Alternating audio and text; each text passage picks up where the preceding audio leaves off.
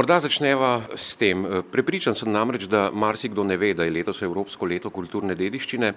Leta seveda še ni konec, pa vendarle, kaj se vam zdi? Smo ga do zdaj premalo izkoristili za ozaveščanje o pomenu kulturne dediščine? Torej, glede ozaveščanja o pomenu kulturne dediščine v letu Evropske kulturne dediščine moram pravzaprav povdariti, da so organizacije, ustanove, inštitucije, ki se ukvarjajo z varstvom in ohranjanjem kulturne dediščine, pravzaprav naredile vse, kar je bilo v njihovi moči oziroma naredile so pravzaprav maksimum, kar jim je pač denar, ki je bil za to na voljo, uh, a ne v letošnjem letu. Ne. Zdaj, to pričajo pravzaprav že številni dogodki, ki so bili v prvih pol leta realizirani, razne razstave, predavanja vodstva po spomenikih, konference, simpoziji. Seveda jih, kot ste že sami ugotovili, da je pač leta še ni konec, ne, veliko teh dogodkov še prihaja, zato je mogoče za neko splošno oceno o uspešnosti kampanje pri nas še prezgodaj. Vsekakor je o kulturni dediščini veliko govora, ne samo o njeni sporočilnosti in pomenu, pač pa tudi o njenem ekonomskem in pa seveda tudi družbenem potencialu, kar je nedvomno spodbudno potem za naslednja leta.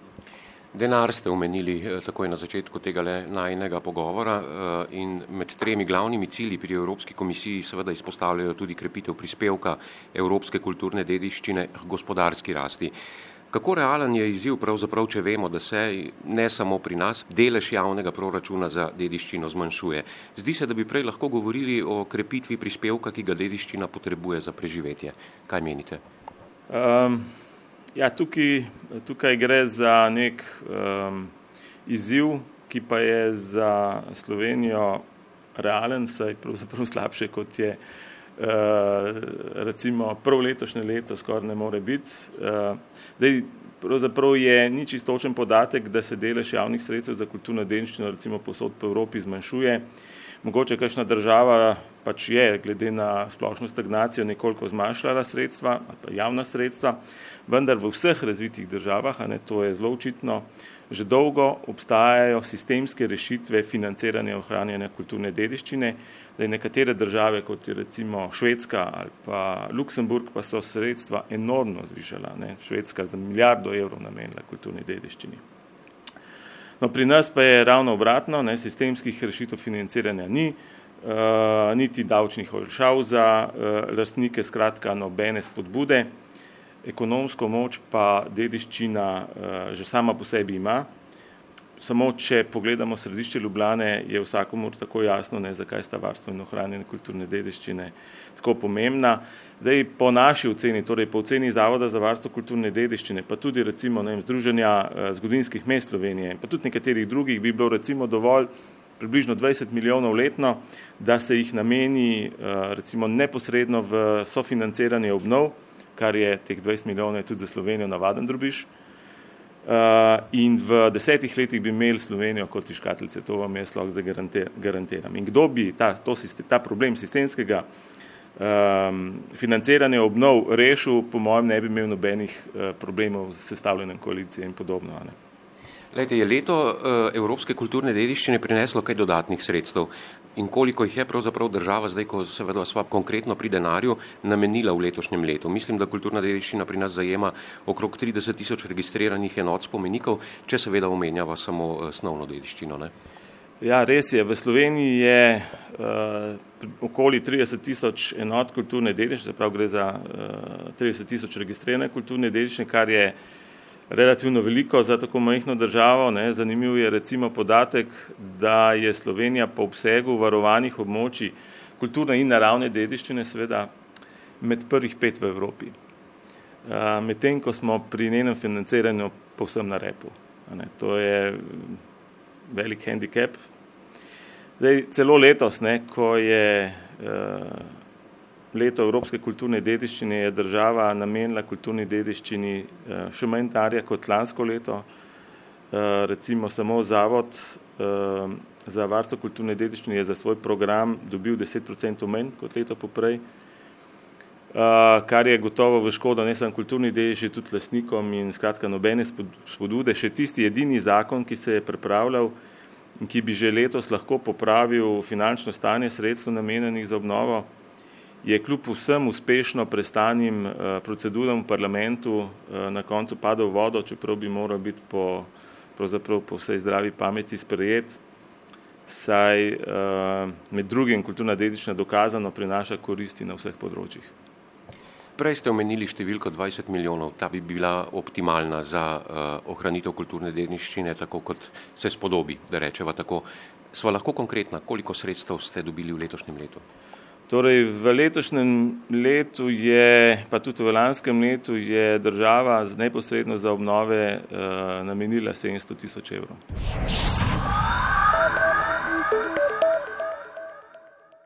V Združenju zgodovinskih mest so eh, pred kratkim, eh, omenjali ste združenje, namreč eh, oblikovali pobudo za ohranitev kulturne dediščine kot javne dobrine in jo seveda tudi naslovili na odločevalce. O kakšnem zavedanju pomena kulturne dediščine lahko torej govorimo, ko hkrati v izhodišču strategije 2018-2026 beremo o načelu celostnega ohranjanja dediščine kot temelja nacionalne identitete in tudi kot seveda trajnostnega razvoja Slovenije. No, ta pobuda Združenja zgodovinskih mest Slovenije uh, je seveda dobrodošla, ni pa nova. Razlika je predvsem ta, da sedaj kulturni dediščini pravzaprav že teče voda v grlo. Uh, namreč uh, dan danes pravzaprav ne padajo samo kakšni kozovci, pa kakšna kmeška hišica ali pa stanovanska, recimo ali pa meščanska vila in podobno, sedaj se podirajo pravzaprav sami od sebe že najpomembnejši gradovi. Zato je res eh, skrajni čas, da država nekaj ukrene. Namreč kulturna dediščina predstavlja neponovljivo državotvorno prvino, ki je nedvomno strateškega pomena za, ne samo za kulturni, pač pa tudi politični, pa gospodarski obstoj. Da jaz sem to že večkrat povdaril, pa še enkrat, ne, vsaj malo razvite evropske države kulturne dediščine ne ohranjajo zato, da bi ohranile svojo zgodovino, ampak zato, da bi ohranile svojo prihodnost. Namreč, eh, če pogledamo za razliko od zgodovine, ne, ki vsaj pri nas ne, izrazito ljudi razdvaja, kulturna dedična ljudi združuje in pač povezuje tudi z vse evropskim prostorom. Zdaj, sama strategija eh, na papirju ne bo kaj dost pomagala, če v Sloveniji seveda ne bo sprejeta sistemska rešitev financiranja kulturne dediščine, če bodo to le črke na papirju, kot je bilo to vselej doslej, seveda ne bo kaj dost boljše. Voda teče v grlo, pravite, ne, izzivov je pa še veliko in so še globlji. Na eni strani, da nima upada udeležba v tradicionalnih kulturnih dejavnostih, povečujejo se na drugi strani tudi okoljski pritiski na območjih eh, kulturne dediščine in tako naprej. Omenjala smo pobudo, eh, ki ni nova eh, in so jo podpisali recimo tudi nekateri župani mest. V kolikšni meri je pa za razmere odgovorna tudi lokalna skupnost?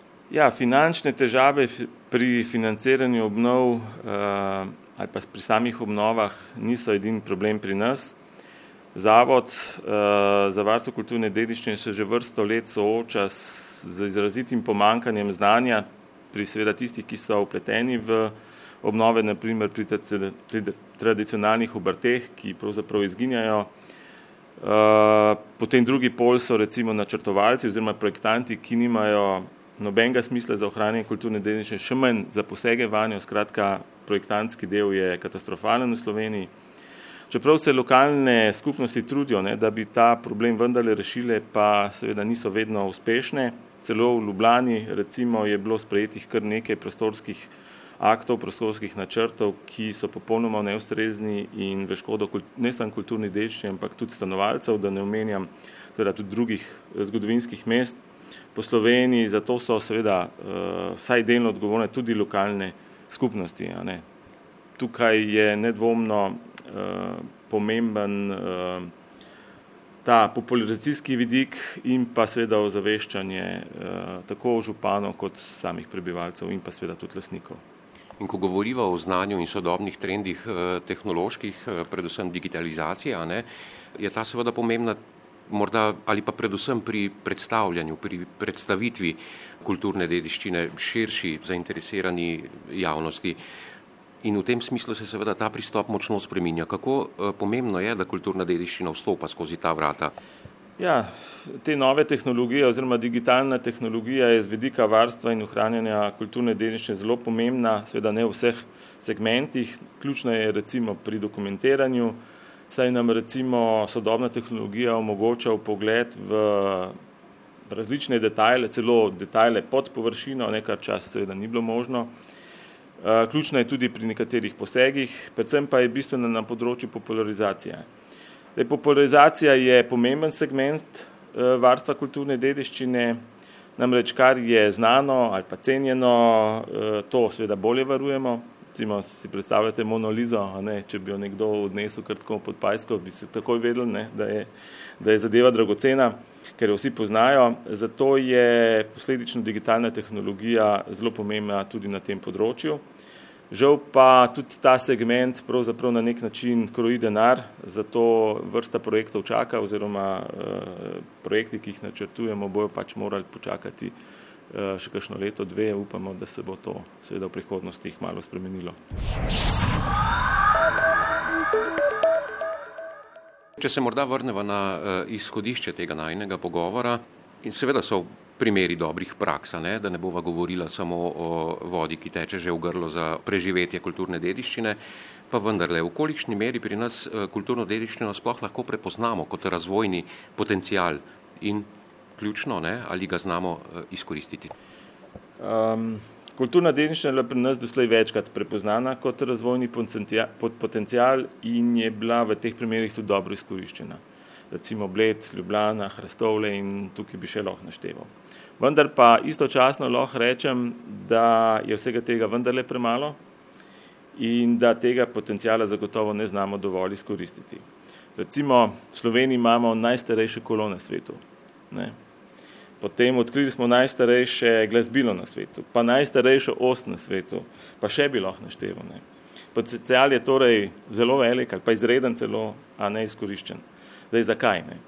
Zato, ker pravzaprav upažamo, da na tem področju ni nobene strategije, saj takšne, ki bi jo recimo vodilo recimo Ministrstvo za kulturo ali pa ne vem, sama država. Uh, predvsem zato, ker je uh, kulturna dediščina nek 13. prašiček, ki ga ki se ga neprestano odriva od korita in dokler se tu ne premakne, dokler ne bo uh, rekel, država stala resnično za kulturno dečno, tako kot recimo Hrvaška ali pa še kakšne druge države, ne, seveda tudi z resnimi sredstvi za investicije, potem bomo nedvomno zaplali sam še za velikimi. Kaj pa prednosti, ki jih prinaša kulturna dediščina na našem prostoru v povezavi eh, s socialno kohezijo Evrope? Tudi tam je kar nekaj potencijala. Ja, to vprašanje je, uh, lahko rečem, kar precej kompleksno in ni nekega enostavnega odgovora.